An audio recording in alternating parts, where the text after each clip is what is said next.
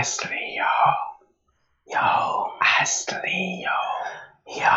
Asli yo. Yo. Asli yo. Yo. Asli yo. Asli yo. Mimpi buruk, bro.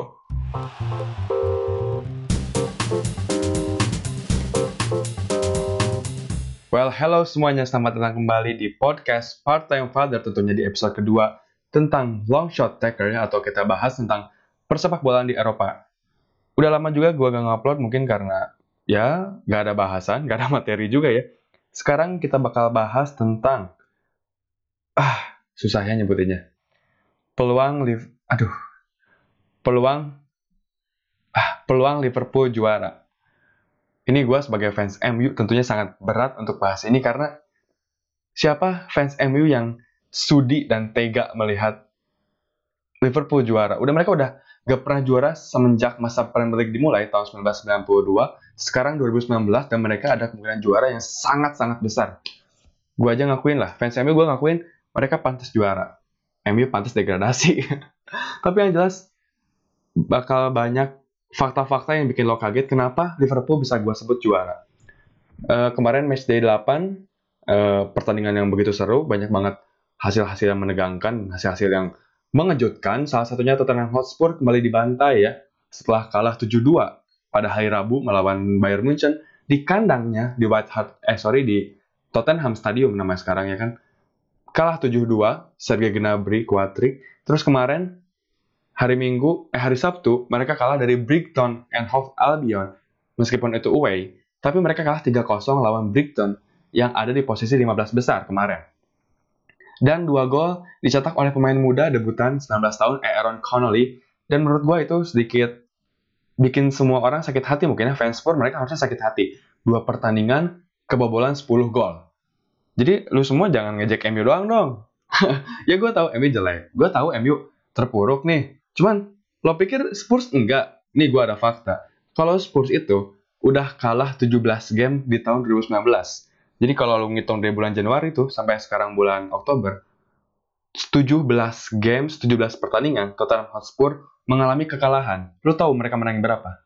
Mereka menang juga 17 games. Berarti lu jangan ngejek MU, ngejek dulu Tottenham. Oke, mereka masuk final Liga Champion, tapi kan itu dulu. Lu katanya gak mau bahas sejarah. Kok jadi emosi ya, mohon maaf nih. Yang jelas, uh, Spurs itu ya lagi dalam masa kritis lah. Nah, jadi apa sih yang bakal gue tebak di sini? Gue bakal kasih lu semua prediksi akhir musim nanti. Jadi kan sekarang udah match day 8 ya. Total di Premier League itu ada 38 pertandingan. Jadi sekitar ya 30 pertandingan lagi lah mendatang. Yang gue kira bakal bisa sedikit kita prediksi siapa sih yang bakal jadi juara Premier League untuk masa jabatan 2019-2020 ini.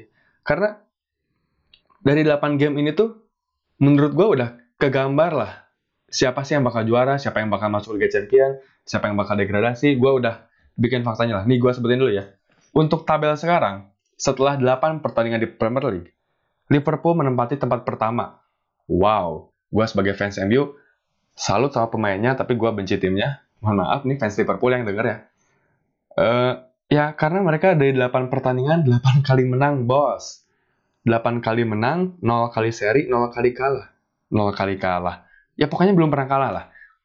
Itu tuh rekor untuk tim yang mendapatkan kemenangan berturut-turut dari awal musim. Itu dipegang sama Chelsea. Mereka menang 9 kali, 9 pertandingan berturut-turut dari awal musim. Terus ke 10-nya mereka kalah lawan apa lupa. Tapi yang jelas, Liverpool udah 8. Mereka cuma butuh satu kemenangan biar bisa nyamain rekor yang dibuat Chelsea, kemenangan dari awal musim. Dan lu tahu, Liverpool matchday ke-9 lawan apa? Lawan Manchester United di kandang MU di Old Trafford. Nah, jadi lu MU nih, lu oleh Gunnar Solskjaer kalau lu dengerin podcast gue, please jangan kasih Liverpool kemenangan. Tolong seri aja. Eh, gue tahu menang gak mungkin sih kalau MU menang. Tolong seri aja, please ini mah gue gak mau Liverpool bikin banyak banget sejarah. Please, jangan ya. Lihat mereka jual Liga Champions aja udah sakit hati gue. Liverpool itu udah cetak gol 20 gol dan 6 kemasukan, poin mereka 24. City peringkat kedua, 5 kali menang, 1 kali seri, 2 kali kalah. 27 kali memasukkan, 9 kali kemasukan. Hebat sih ya, 27 kali memasukkan itu jumlah yang banyak lah untuk uh, eh, 8 pertandingan awal. Ketiga ada Arsenal.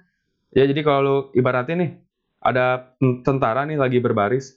Liverpool City itu kayak Arnold Schwarzenegger, terus belakangnya Rambo, eh sama ya, pokoknya Rambo, terus ya orang-orang hebat, terus ada badut di belakang lo. maaf maaf nih ya Arsenal Arsenal ada di peringkat 3 dengan 4 kemenangan 3 kali seri dan satu kali kalah. Leicester ada di peringkat keempat dengan 4 kemenangan, 2 kali seri, 2 kali kalah sama kayak Chelsea di peringkat kelimanya. Uh, kemudian ada Crystal Palace di peringkat 6 dengan 4 kemenangan, 2 kali seri, 2 kali kalah sama kayak Chelsea dan Leicester.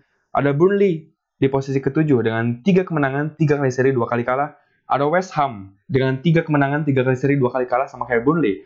Ada Spurs dengan 3 kemenangan, 2 kali seri, 3 kali kalah.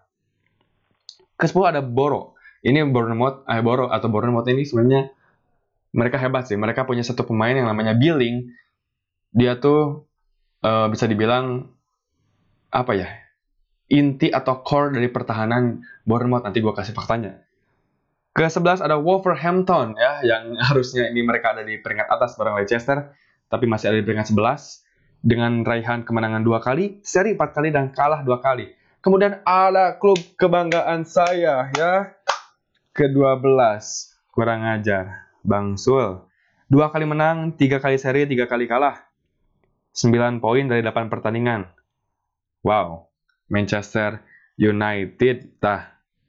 Nah, jadi kalau di Inggris itu kan ada Big Six tradisional ya, atau ya mereka yang udah disebut jadi Big Six meskipun mereka di luar Big Six, tapi karena mereka disebutnya Big Six tradisional yang dari dulu mereka mendominasi Premier League itu ada enam tim kan, Liverpool, City, Arsenal, Chelsea, Spurs sama MU. Nah, gue ntar bakal bahas dalamnya ke sana sih mungkin. Sementara di zona degradasi ada Everton yang mana selalu menghabiskan uang banyak setiap bursa transfernya. Dan gue pikir komposisi mainnya edan sih sebenarnya. Tapi kenapa mereka kalau main jelek terus ya? Nggak tahu emang belum nemuin racikan yang pas. Ya gue harap Everton ini bisa segera bangkit sekarang kok apa bisa segera bangkit karena gue kira Everton pantas lah masuk ke Europa League gitu Mereka pantas lah untuk berada di papan atas gitu bukan berada di relegation zone gitu loh. Untungnya baru 8 pertandingan, tapi dengan raihan dua kali menang, satu kali kalah dan lima kali se eh satu kali seri dan lima kali kalah, parah sih, udah parah sih untuk Everton. Terus ke 19 ada Norwich City dengan raihan dua kali menang, nol kali nol kali, gak pernah seri dan enam kali kalah. Mereka ada di relegation zone padahal mereka ngalahin Manchester City kan. Itulah gilanya Premier League ya lu bisa menang lawan tim atas, lu belum tentu bisa menang lawan tim bawah. Kalau MU gak mungkin bisa menang. Oke, yang ke-20 ada Watford. Mereka belum pernah menang. Mereka tiga kali seri dan lima kali kalah, termasuk kekalahan terbesar Manchester eh kekalahan kekalah kemenangan terbesar Manchester City di Premier League itu atas Watford kemarin dengan skor 8-0. 5-0 di babak pertama, 3-0 di babak kedua, dan Kevin De Bruyne jadi bintang di pertandingan itu. Gua selalu sama Kevin De Bruyne. Cuman dia injury prone ya. Sekarang dikit-dikit cedera dikit-dikit cedera. Kebanyakan passing sebenarnya. Mungkin kurang kurang pemanasan kali ya. Ya itulah. Jadi untuk tabel sekarang kayak gitu bentukannya. Dan gua kira akan berubah jauh untuk di akhir musim. Kenapa gua pikir kayak gitu? Karena gak bakal lama lagi lu bakal lihat tim-tim mulai pemecatan lah. Mereka mulai pembersihan dari staffnya mungkin atau dari pelatihnya mungkin atau nanti mungkin di Januari mungkin bakal banyak sekali tim Premier League yang merombak tim mereka karena mereka tahu mereka bisa ada di papan atas tapi mereka stuck di papan bawah. Everton, Norwich, gua kira Norwich ya, kalau apalagi Norwich, mereka juara di Championship, tapi sekarang mereka ada di peringkat 19. Sementara yang tim promosi semuanya ada di 10 besar, gak 10 besar, ada di 15 besar. Mungkin, sorry, uh, mungkin Norwich harus membeli pemain lagi sih, karena menurut gua kalau permainan mereka udah bagus banget Cuma mungkin mereka kurang lapisnya aja karena ya lu tahu kalau tim-tim yang kecil, mohon maaf kayak Norwich, maksudnya yang mereka baru promosi, biasanya mereka nggak punya uh, apa ya backup untuk pemain inti mereka. Beda sama kayak City. Lu kalau Rodrigo Hernandez cedera, lu punya Gundogan di cadangan. Lu kalau siapa lagi? Leroy Sané cedera, lu punya Riyad Mahrez. Kalau lu Sterling dan Aguero cedera, lu punya Gabriel Jesus. Eh dan juga ya pikir-pikir. lu kalau Laporte cedera, lu punya Otamendi, meskipun Otamendi jelek sih, lupain aja. Back kanan, lu punya Kyle Walker. Eh, siapa penggantinya ya? Gue lupa. kalau back kirinya, mereka kadang-kadang Fernandinho, terus dulu kan Fabian Delp, mereka sering ditukar-tukar ke belakang. Itulah hebatnya City, mereka udah punya pemain yang hebat, beli lagi pemain hebat. Guardiola pelatihnya. Tapi kalah sama Wolverhampton. Oke lah, nggak apa-apa ya. Top skor sementara. Duh, gua benci lagi nyebutin top skor. Tammy Abraham dari Chelsea dengan 8 gol. Kun Aguero peringkat keduanya dengan 8 gol, tapi dari dua apa? Dia dua golnya dari titik penalti. Beda sama Abraham yang 8 gol dia dari open play semua. Terus ketiganya ada Aubameyang. Ini striker dari Wakanda dengan 7 gol. Sterling dari City dengan 6 gol dan Puki Puki Party dengan 6 gol dari Norwich. Top asisnya wah, Kevin De Bruyne. Dia padahal gak main satu pertandingan atau dua pertandingan ya. Dia gak main dua pertandingan. Yang jelas 8 asis, 8 match itu udah hebat. Lu tahu top top assist musim lalu berapa? Eden Hazard 15 assist, 38 pertandingan. Kevin De Bruyne 8 assist, 8 pertandingan. Lu kalau ngitung pakai matematika, 8 kali berapa yang kedeket ke 36, 8 kali 4 ya. Berarti 4 kali 8 dia harusnya dapat assist 24 assist di belakang atau 25 atau 26. Yang penting dia nggak cedera. Sekarang De Bruyne cedera. Jadi nggak tahu ya kenapa De Bruyne jadi jadi gampang cedera mungkin karena rambut rambutnya blonde kali ya. soalnya yang rambutnya blonde kebanyakan gampang cedera Phil Jones siapa lagi ya dulu Messi waktu rambutnya blonde gue kira cedera terus tuh ngaruh kali ya bodo amat lah top assist pertama ada Kevin De Bruyne kedua ada David Silva yang musim ini dia bakal main musim terakhirnya di City katanya mau pindah sih ke tim siapa David Beckham apa tuh namanya Miami Miami gitulah warna pink lucu sih warnanya ya David Silva sih gue juga naruh respect sih. Respect, sorry. naruh respect. Karena Silva pemain tengah yang apa ya?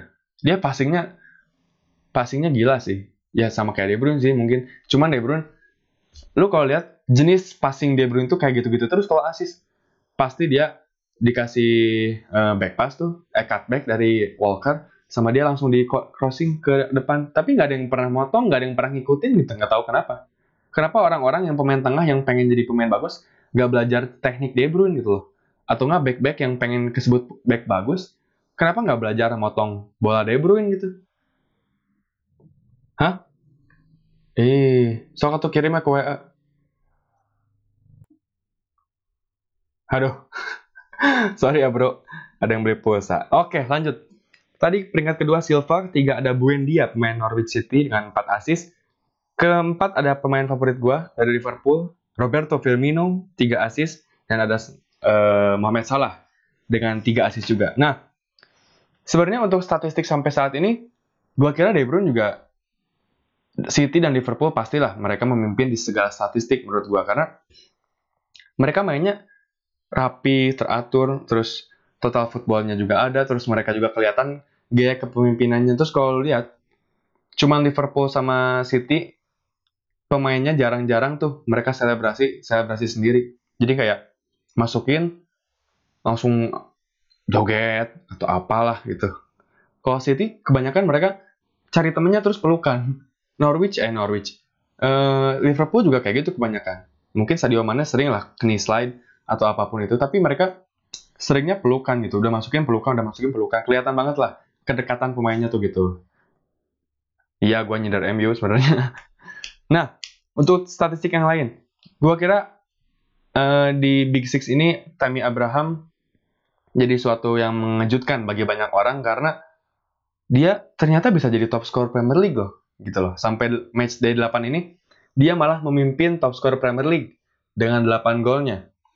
Dia juga udah ngasih shoot on target, 15 shoot on target, yang mana itu paling banyak di Premier League. Ini berarti nunjukin kalau dia tuh pintar nyari ruang, terus dia juga punya apa selalu punya kesempatan untuk shoot on target dan gue yakin uh, Chelsea itu secara statistik mereka tuh gak banyak shooting dari luar kotak penalti jadi mereka tuh kebanyakan shootingnya dari dalam kotak penalti dan di dalam kotak penalti shootingnya tuh oleh Tammy Abraham ini nunjukin kalau dia tuh striker pinter yang bisa nyari ruang di kotak penalti Jangan bandingin sama Marcus Rashford yang dia selalu bingung untuk cari ruang di kotak penalti. Makanya dia cuma bisa lari bolak-balik. Duh, gua nggak kuat deh. Nyindir MU terus. Terus di peringkat duanya ada Puki 15 shoot on target juga.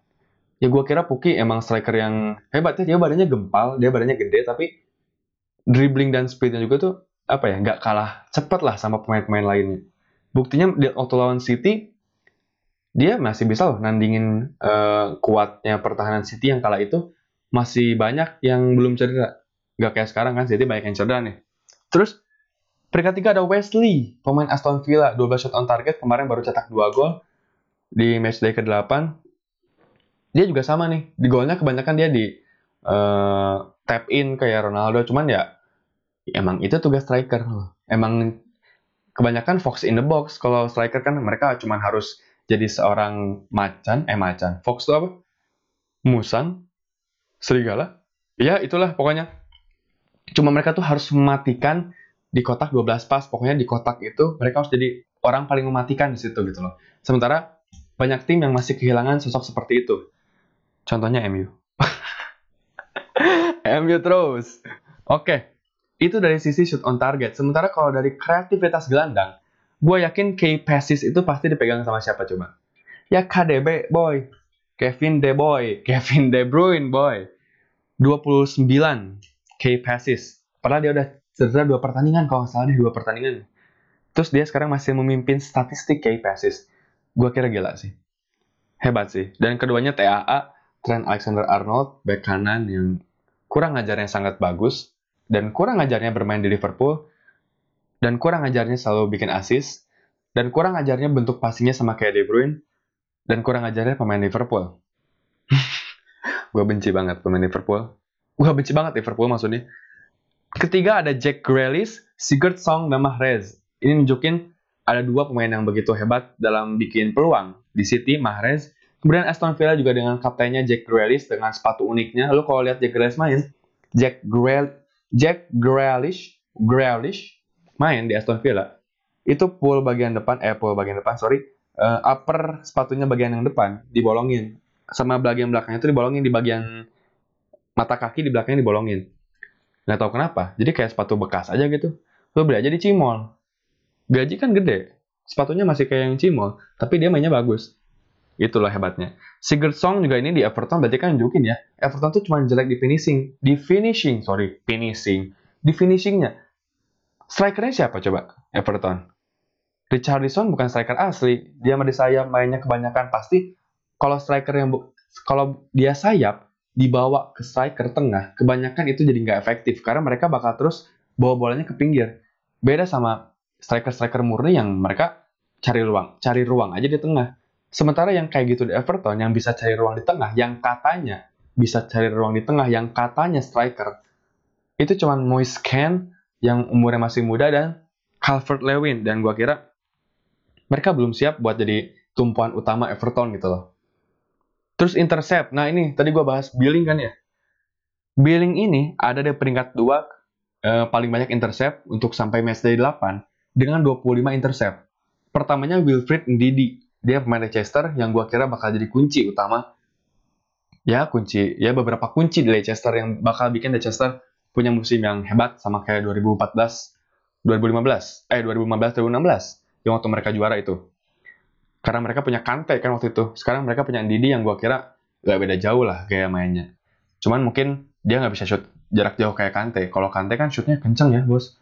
Kemarin juga dia cetak gol dari luar penalti. Ya meskipun dia flag sih, tapi ya Kante bagus sih senyumnya. Ada back Newcastle di peringkat 3 dengan 22 intercept, Terus kalau bagian passing ya kebanyakan pasti uh, ini untuk pemain Liverpool, City ya. Karena pas paling banyak sampai sekarang itu dipegang Robertson 591 passing. Terus keduanya ada Alderweireld, Alderweireld. Ini back paling susah sebut namanya di Liga Inggris. Alderweireld 580 passing. Ketiganya ada Virgil van Dijk dengan 577 passing. Dan keempatnya tepuk tangan dulu untuk back termahal sedunia kita, Harry Maguire. 552 passing, tapi clean sheet aja susah, bos. Kelimanya ada Rodri. Ini defensive midfielder yang bener-bener tipikal Guardiola banget lah. Di Barcelona punya Busquets, di Munchen dia dulu mainnya kan Javi Martinez kan, terbukti. Sekarang Javi Martinez jarang main. Ya iya, kepakainya sama Guardiola doang. Kayaknya Guardiola butuh DM yang defensive midfielder yang tinggi, yang kiranya kuat megang bola, terus ya kayak gitulah. Busquets, Rodri sekarang. Mungkin emang sukanya tipikal yang gede-gede kali. Ush, gede-gede. Terus kalau bagian passing akurasi jelas dipegang oleh City 88%. Guardiola effect itu udah sangat mutlak ketika Guardiola punya tim, dia pasti main passingnya sangat bagus. Meskipun mentok kadang-kadang gitu, tapi City nggak pernah kehabisan kreativitas karena sekarang Guardiola juga udah mulai mikir tiket laka nggak akan selalu efektif ketika ngelawan tim yang mainnya parkir bus atau nggak main ke belakang banget sehingga garis pertahanannya itu sampai ke sepertiga pertahanan sendiri gitu loh sampai depan gawang itu 10 pemain satu pemain di depan gitu. City tuh nggak nggak mungkin mentok sekarang. Mereka kadang-kadang overpower. kadang-kadang mereka passingnya tuh nggak terkira. Apa ya? Sterling aja kebanyakan masukin heading loh. Musim ini maksudnya ya, Sterling aja bisa masukin heading loh. Pemain yang tinggi kayak gitu, yang pantatnya bagus. Sterling salah satu pemain, bola dengan pantat yang seksi, sama kayak Hazard ya. Dan hebat gitu loh, dia bisa masukin heading lewat heading gitu. Padahal kan aerial trade di situ siapa coba aerial trade-nya sekarang? Yang bisa ngasih aerial trade dari Manchester City nggak banyak sekarang. Laporte cedera. Pemain tengah tingginya segitu semua. Kun Aguero pendek meskipun tajam emang. Ya tapi hebat aja gitu loh untuk City. Liverpool dengan di Big Six itu Liverpool passing akurasinya paling rendah. Ya karena Liverpool mainnya nggak harus serapi itu. Mereka yang penting total football. Ketika nyerang-nyerang semua, ketika defend-defend semua. Ya masalah finishing tinggal kasihin ke trio terbaik sekarang ya jujur aja lah trio terbaik penyerang sekarang tuh ya Liverpool. Sadio Mane Firmino Salah udah matilah lawan mereka bertiga. Meskipun Firmino belum pernah cetak gol lawan MU padahal dia udah cetak 50 gol loh di Premier League belum pernah lawan MU cetak gol. Edannya MU boy. Edan lah peringkat 12 dan gue bakal kasih lo semua tentang prediksi siapa yang bakal finish. Jadi gue kasih dulu kasih tahu dulu lah banyak banget statistik yang sekarang dipegang sama pemain City, pemain Liverpool. Kayak cuma ada empat pemain loh yang udah bikin peluang besar lebih dari lima di Premier League musim ini. Kevin De Bruyne 10, TAA 7, Roberto Firmino 7, Riyad Mahrez 5. Berarti itu timnya apa semua coba? De Bruyne City, TAA Liverpool, Firmino Liverpool, Mahrez City juga. Jadi ya, ya mereka tuh emang bakal jadi apa ya raja di Premier League untuk beberapa tahun ke depan. Meskipun uh, ya City sama Liverpool gak bakal gak bakal nyaman sih karena gue kira bakal ada tim yang jadi surprise di Premier League dan itu bukan MU ya. Meskipun gue fans MU tapi bukan MU lah yang akan seperti itu. Jadi untuk prediksi gue, ya kita ucapkan selamat berbuka puasa pada Liverpool karena gue yakin bukan bukan gue yakin sih karena gue sedih. Sebagai fans MU gue harus mengakui kalau Liverpool emang bagus banget musim ini. Kalau mereka emang benar-benar siap untuk juara Premier League. Karena ini ada satu hal yang kenapa bikin gue yakin Liverpool juara. Yang pernah tripit atau tiga kali berturut-turut juara Premier League cuma Sir Alex Ferguson tahun 19 berapa sampai berapa sama 2007, 2008, 2009. Cuma Ferguson. Yang dua kali tripitnya lagi gila nggak? Tripit sekali aja nggak ada. Yang pernah tripit sekali aja nggak pernah. Mourinho nggak pernah tripit tiga kali. Ya tripit tiga kali. Ya maksudnya tripit gitu. Tiga tahun berturut-turut juara pakai Chelsea enggak? Pasti musim ketiganya bobrok kan. Selalu kayak gitu. Dan gue yakin City nggak akan mungkin bisa menang gitu loh City aja sekarang kita lihat lawan Wolverhampton atau enggak jangan Wolverhampton ya? Iya lawan Wolverhampton dan Norwich. Mereka udah kalah loh dua kali. Dan ini pertama kalinya City di Etihad Stadium kalah, tapi mereka gak masukin. Skornya berapa berapa? Wolverhampton City 2-0. 0-2, oke. Okay. 0-2. Dua gol dicetak oleh Adama Traore dari Wolverhampton dan City gak cetak gol. Itu pertama kalinya sejak Maret 2016 ketika City kalah sama MU 1-0 golnya Marcus Marcus Marcus Rashford 2016, 17, 18, 19 3 tahun 4 tahun 3 tahun 4 tahunan Yang lalu mereka gak cetak gol di Etihad waktu kalah. Sekarang kayak gitu lagi. Lihat, udah ada bau-bau kekalahan lah, udah ada bau-bau nggak juara ini. Terus Liverpool juga. Ya, apa ya? Udah bener-bener pantas lah gue kira untuk juara. Apalagi yang mereka kurang coba. Mereka cuma ngabisin 1,6 juta pound sterling di bursa transfer kemarin tuh. Tapi, ya mereka sekarang udah ada di atas banget. Oke, gue bakal bahas sedikit tentang Liverpool deh. Liverpool tuh sekarang dia Sadio Mane ya yang lagi hebat-hebatnya. Sadio Mane itu dia cetak gol eh, berarti totalnya satu tujuh gol. Dia cetak gol 7 gol di semua kompetisi, 6 gol di Premier League, 1 gol di Liga Champions lawan RB Salzburg. Dan itu Firmino sama Salah kalau digabung juga 7. Tapi lu harus sadar kalau Sadio Mane sekarang emang lagi bagus-bagusnya. Dan lu nggak bisa ngentiin Sadio Mane gitu loh. Apalagi waktu golnya lawan Salzburg, itu kece parah sih. Lo lihat kan golnya yang di Firmino asisin. Nah, gini, Firmino tuh menurut gue sekarang dia pivot terbaik lah untuk striker. Beside Luis Suarez ya, karena Luis Suarez juga menurut gue bagus banget, apalagi dengan akrobatik-akrobatik golnya sekarang dia ngandelin cuman finishing touch, shooting, dia nggak harus banyak dribble kayak dulu waktu di Liverpool, sekarang dia tinggal dikasih bola enak, shooting langsung masuk. Itu hebatnya Suarez. Terus Mohamed Salah meskipun dia nggak terlalu banyak masukin kayak musim pertamanya, tapi dribbling-dribblingnya itu susah untuk ditangkap. Apalagi kalau nanti Alisson Becker balik lagi itu main di Liverpool, udah sembuh cedera, udah. Champions League mungkin bisa aja masuk final lagi mah. Tapi nggak tahu juara atau enggaknya. Tapi kalau Premier League, entah kenapa gue yakin ini waktunya loh untuk mereka gitu. Meskipun pemain tengahnya emang gue kurang suka sih main tengah Liverpool Wijnaldum, Fabinho sama Henderson atau nggak Milner kadang-kadang main. Gue nggak suka sama Henderson aja sih. Ya oke okay lah dia kapten tapi kurang aja gitu loh. Kayaknya kalau Liverpool beli pemain tengah yang lebih mobile daripada dia karena Wijnaldum iya mobile cuman mobile banget sih Wijnaldum cuman ya mereka butuh pemain tengah yang benar-benar box to box nemenin Wijnaldum gitu. Henderson nggak box to box tapi dia juga nggak di nggak di playing playmaker sama kayak Fabinho. Ya mau gimana? Susah gitu loh berat. Untuk pemain untuk back udah kecek parah lah backnya mah ya. Udah komplit bener-bener komplit. Mereka juga musim ini 16 apa 16 16 shooting per matchnya 6,1 on targetnya per match. Dan itu nunjukin serangan mereka terus bertubi-tubi ya mereka siap lah menurut gua untuk memenangkan kejuaraan ini kali ini terus kalau City gue pikir City bakal City itu bakal finish kedua. Kenapa gue kira City bakal finish kedua? Ya tadi Pep Guardiola itu apa ya? Uh, dia tuh jelek ketika lawan Jurgen Klopp. Dia tuh jelek ketika lawan Nuno Espirito Santo, coachnya Wolverhampton, dan Ronald Koeman.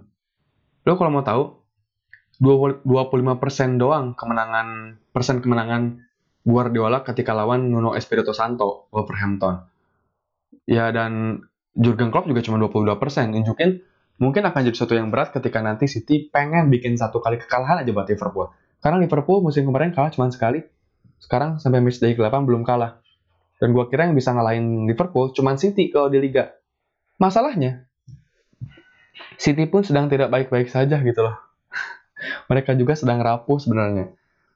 Cuman dengan tim yang berlapis-lapis, squad yang berlapis-lapis itu mereka bakal terus menang gitu. Jadi gue kira Liverpool bakal juara Liga, peringkat dua diisi oleh City, yang peringkat tiga Leicester. Sorry nih, gue pilih Leicester. Leicester edan boy. Leicester lawan Liverpool kalah 2-1 dan gue kira penalti Sadio Mane kurang layak ya. Untuk apa sih VAR sebenarnya? VAR tuh kadang-kadang aneh. Yang nggak perlu dipakai VAR yang nggak perlu pengecekan ulang pakai VAR dicek ulang di VAR. Yang perlu pengecekan ulang di VAR nggak dicek ulang di VAR. Ya akhirnya ya gitu. Gue bukannya nggak nerima Liverpool menang ya cuman ya kurang pantas aja gitu loh penaltinya juga. Meskipun waktu lawan uh, Liverpool Leicester itu golnya James Madison itu shooting on target pertamanya Leicester tapi itu langsung berbuah gol kan dan buktinya mereka bisa nahan Liverpool yang bisa nahan Liverpool musim kemarin siapa Ya City yang kayak gitu. Leicester tuh udah Jurgen Klopp aja bilang gini, kalau kamu bikin sebuah tim, Leicester itu adalah tim yang impian lah. Mereka tuh sedang membuat tim dengan cara yang sangat impian. Karena penyerang Jamie Vardy, wah striker favorit tuh. Jamie Vardy dengan mobilitasnya, terus dia juga apa ya, striker yang pinter, fox in the box, poacher juga dia, shooting jarak jauhnya juga nggak kalah. Terus dibimbing, bukan dibimbing ya, di service oleh James Madison. Dia James Madison bagus di set piece. Lu kalau lihat cornernya, ketika James Madison ngambil corner, itu gue udah takut duluan karena passingnya tuh selalu akurat dan selalu enak untuk di heading gitu loh kalau kata back-back lain. Ini apalagi back mereka Caglar Soyunku menurut gue bagus sih, badannya gede. Dan dia juga passingnya bagus. Cuman mungkin pairnya harus pakai yang lebih bagus juga. Kiper Casper Schmeichel selalu bagus, musim ke musim selalu konsisten meskipun yang nggak ada di level atas. Dia ada di pemain rata-rata Premier League, cuman ya menurut gue bagus lah untuk Leicester. Pemain tengahnya ini udah benar-benar edan. Tadi James Madison di attacking midfieldernya sebagai klasik number 10 kalau di PES. Terus di pemain tengahnya ada Wilfried Ndidi. Dia anchor, anchor banget. Dia motong serangan, dia nahan bola, dia intercept, dia tackle. Oh iya, Premier League musim ini tackle paling banyak karena Aaron Wan bisa cedera. Ndidi akhirnya nyusul, Ndidi di tackle paling banyak, 35 tackle. Dan tadi intercept paling banyak, 27 intercept. Nunjukin defensive midfielder yang paling defensif dan yang paling bagus di defensifnya adalah Wilfred Ndidi sampai dengan match day ke-8 ini. Hebat ya. Kadang-kadang sirik loh harus mengungkapin fakta-fakta kayak gini tuh. Dan peringkat keempat diisi oleh Spurs. Ya gua tahu Spurs lagi jelek-jeleknya dan tadi juga gua sebut ya. 17 match menang, 17 match kalah di 2019. Terus juga mereka cuman menang 22 poin dari 20 game mereka, itu yang paling rendah dari apa ya? Dari yang pernah mereka dapat musim 2008 2019 eh 2009. Waktu 2008 sampai 2009 itu mereka cuma dapat 21 poin dari 20 game. Sekarang mereka dapat 22 poin. Emang buruk sih, cuman ya gue yakin dengan kualitas pemain Pochettino yang dia punya pasti bisa naik lagi lah. Karena ini menurut gue awal-awal doang sih gue yakin sih Spurs bisa lah untuk diem di posisi 4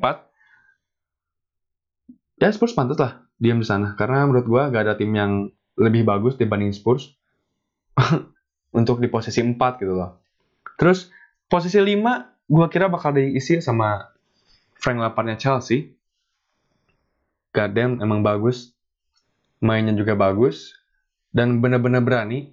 Gue yang suka dari Lamp yang gue suka dari Lampard tuh uh, satu hal sih. Dia jujur dan dia megang kata-katanya. Kenapa gue bilang kayak gitu? Dia waktu awal musim bilang Chelsea nggak bisa beli pemain kena transfer ban kita bakal pakai pemain muda kita bakal manfaatkan pemain muda dan terbukti. Fikayo Tomori jadi back tengah back kanannya Rhys James pemerangnya pem, pemerang sorry ya. Duh buru-buru amat gue ngomong. Penyerangnya Tammy Abraham pemain tengahnya Mason Mount uh, siapa lagi tuh? Ya pokoknya itu empat dari akademi loh. Dan sekarang mereka dipanggil ke timnas Inggris. Semuanya dari Inggris. Dan Mason Mount menurut gue ini uh, apa ya? CDM yang bagus. Eh CDM sorry. CAM atau attacking midfield yang bagus loh. Dia udah cetak 4 gol dari uh, pertandingan yang udah dimainkan. Sementara dulu waktu di derby dia tuh cetak 4 gol tuh dari 20 pertandingan. Di away game ya sorry. Jadi di away game Chelsea yang sekarang dia cetak 4 gol, gak tau udah berapa away gamenya. Yang waktu di derby musim kemarin, 20 away game, dia baru cetak 4 gol. Peningkatan sih. Dan emang Mason Mount ini waktu di derby juga sama Lampard, dia selalu main, dia selalu jadi inti. Sekarang di Chelsea juga selalu inti, mungkin nyogok kali ya. mungkin punya sogokan atau apalah. Arsenal bakal ada di, bakal finish di peringkat 6. Sorry buat fans Arsenal, kalian ngabisin 72 juta pound sterling sia-sia. Nicolas Pepe nggak se-worth itu Jujur aja lah, kalian juga fans Arsenal pasti sedikit nyesek gitu kan lihat seseorang sayap uh, prolific winger yang harusnya bermain begitu lincah dan begitu siap. Sampai match day ke-8, dia baru cetak satu gol lewat titik penalti. 72 juta pound sterling, worth it kah? untuk permainan seperti itu. Meskipun ya dia mainnya bagus mungkin kadang-kadang, tapi nggak gak worth it itu gitu. Nah, cuman kenapa uh, gua bilang Arsenal bakal ke 6? Karena mereka tuh kurang konsisten sih.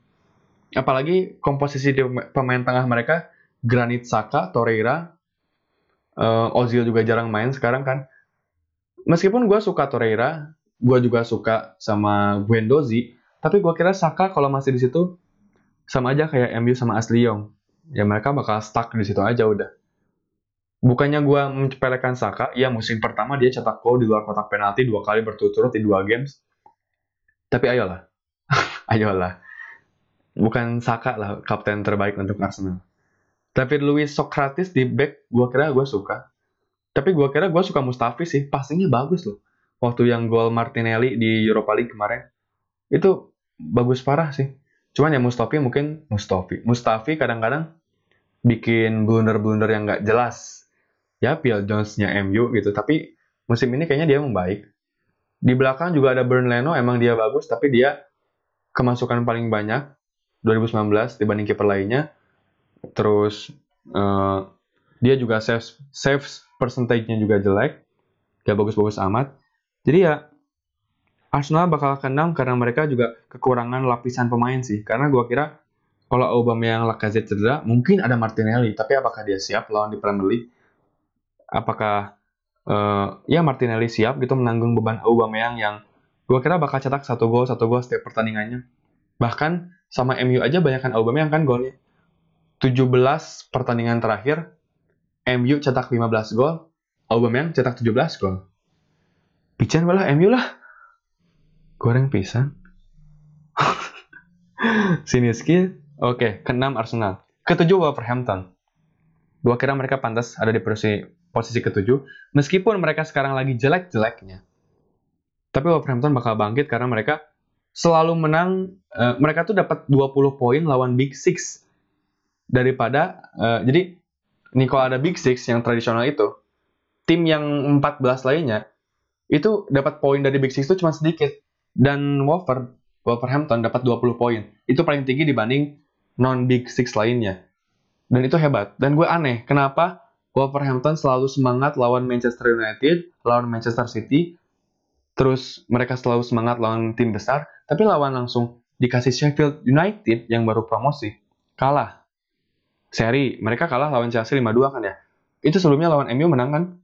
Dua, eh, tahu sama ya seri. Terus sekarang lawan City menang 2-0. Mereka tuh kayak moodnya lawan tim gede gitu loh. Lawan tim yang kira-kira bakal bikin uh, high profile mereka. Jadi Wolverhampton tuh dikenal dengan pembunuh yang besar.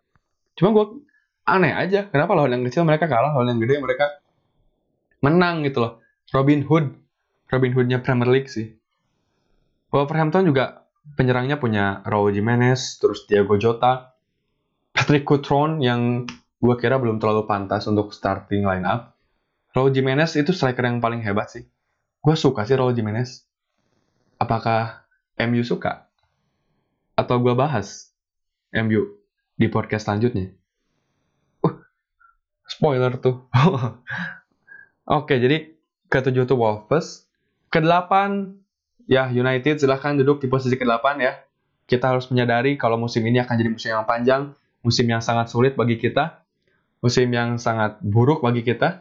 Mungkin kita bisa juara Europa League, tapi ya di Premier League kita ke-8 dan gue yakin dia MU tuh gak mungkin tembus 4 besar musim ini. Aduh, pesimis gini.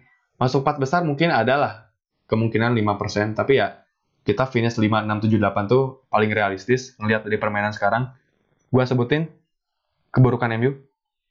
Manchester United ada di uh, apa ya? Di, mereka tuh 10 pertandingan away tanpa kemenangan. Ini tuh rekor terburuk 30 tahun terakhir. Mereka juga cuma dapat 9 poin dari 8 pertandingan. Yang mana ini tuh paling buruk selama 30 tahun terakhir. Dua kali kemenangan dari 12 Premier League Games. 10 lainnya seri dan kalah. Cuman cetak satu gol lebih sekali dalam 16 games, yaitu lawan Chelsea. 4-0. Sisanya 1-0, 1-0, 1-0, 1 sama, 1-0 kalah, 2-1 kalah, 2-1 seri gitu. Eh, 2 seri. 2 2-1 kalah, satu sama seri, 1-0 kalah, kayak gitu aja terus. Tapi Solskjaer tetap bilang kalau dia happy dengan anak-anaknya. Gue bukannya nggak suka sih dengan sisi baiknya dari Solskjaer. Cuma dia tuh kadang-kadang sedikit munafik. Sorry ya, Om Solskjaer. Dia bilang apa? Kemarin dia bilang, Mason Greenwood itu striker yang lebih murni dibanding Marcus Rashford. Lawan AZ Alkmaar, Greenwood dipasang di kanan, Daniel James dipasang di depan. Sebel nggak tuh? Ya boleh lah, oke apa pun itu taktiknya. Tapi tolonglah kita kehabisan kreativitas MU. Waduh, jadi podcast MU nantilah podcast MU mah. Yang jelas United pantas di posisi ke-8. Sembilannya Everton dan sepuluhnya Burnley. Everton gue yakin bisa bangkit, apalagi kalau mungkin mereka ganti taktik, ganti pelatih, atau mungkin beli pemain lagi, tapi gue kira tinggal ganti taktik dan nemuin komposisi yang pas, Everton bisa ada di peringkat 9. Mereka naik di relegation zone, relegation zone di match day ke-8, mereka bisa naik ke peringkat 9 di end of the season. Burnley, kenapa gue kira pantas masuk 10 besar? Mereka kompak, kompak. mereka punya Ashley Barnes, striker tua, tapi matang, dan itu yang mereka butuhkan, dan itu yang semua tim butuhkan di Premier League, matang. Dan gue kira Burnley juga mainnya nggak jelek-jelek amat. Mereka selalu bisa ngasih perlawanan ke tim-tim besar, dan gue kira Burnley pantas masuk di 10 besar. Meskipun gue juga bingung, apakah Aston Villa mungkin, atau Norwich mungkin, atau Burnley mungkin. Tapi gue kira Burnley yang bakal masuk 10 besar. Norwich ada di 15 besar lah. Tapi gue kira itu 10 besar versi gue untuk Premier League musim ini. Liverpool, City, Leicester, Spurs, Chelsea, Arsenal, Wolves, United, Everton, Burnley, dan yang akan relegation, yang akan degradasi, Southampton, Brighton, Watford. Southampton jelek mainnya. Brighton, mereka hoki menang lawan uh, Spurs, karena gue yakin mereka bakal sebenarnya komposisi pemain biasa aja. Pemain tengah yang bagus Aaron Moy, mungkin mereka punya lah. Uh, Connolly yang baru di up itu, striker juga mereka punya siapa tuh namanya? Lupa lagi. Kiper juga udah bukan Los, Losel itu.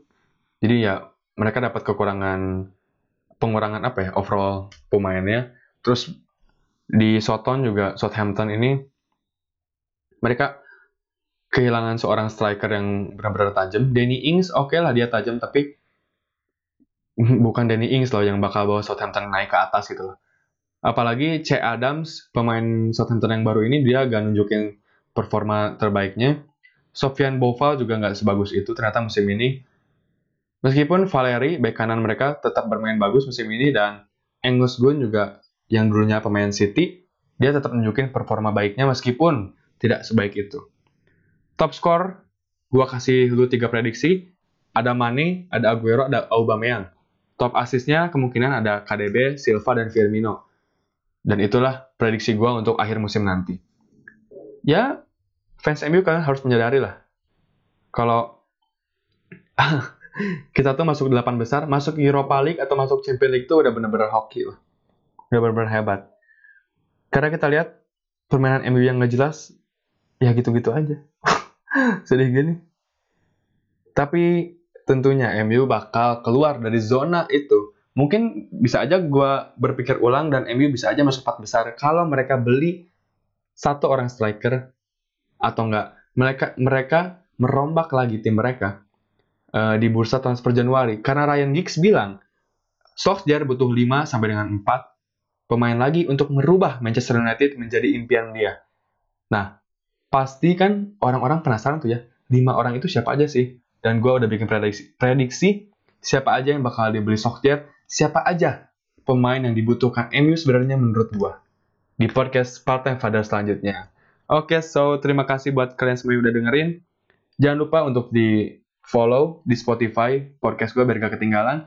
Jangan lupa juga dengerinnya di Anchor atau di Spotify juga ada. Dan nanti podcast gue insya Allah di up di aplikasi yang nantinya bakal keluar di Google Play, Penyu FM. Tapi kita lihat aja apakah berhasil atau enggak. Gue minta doanya untuk biar bisa di up di Penyu FM.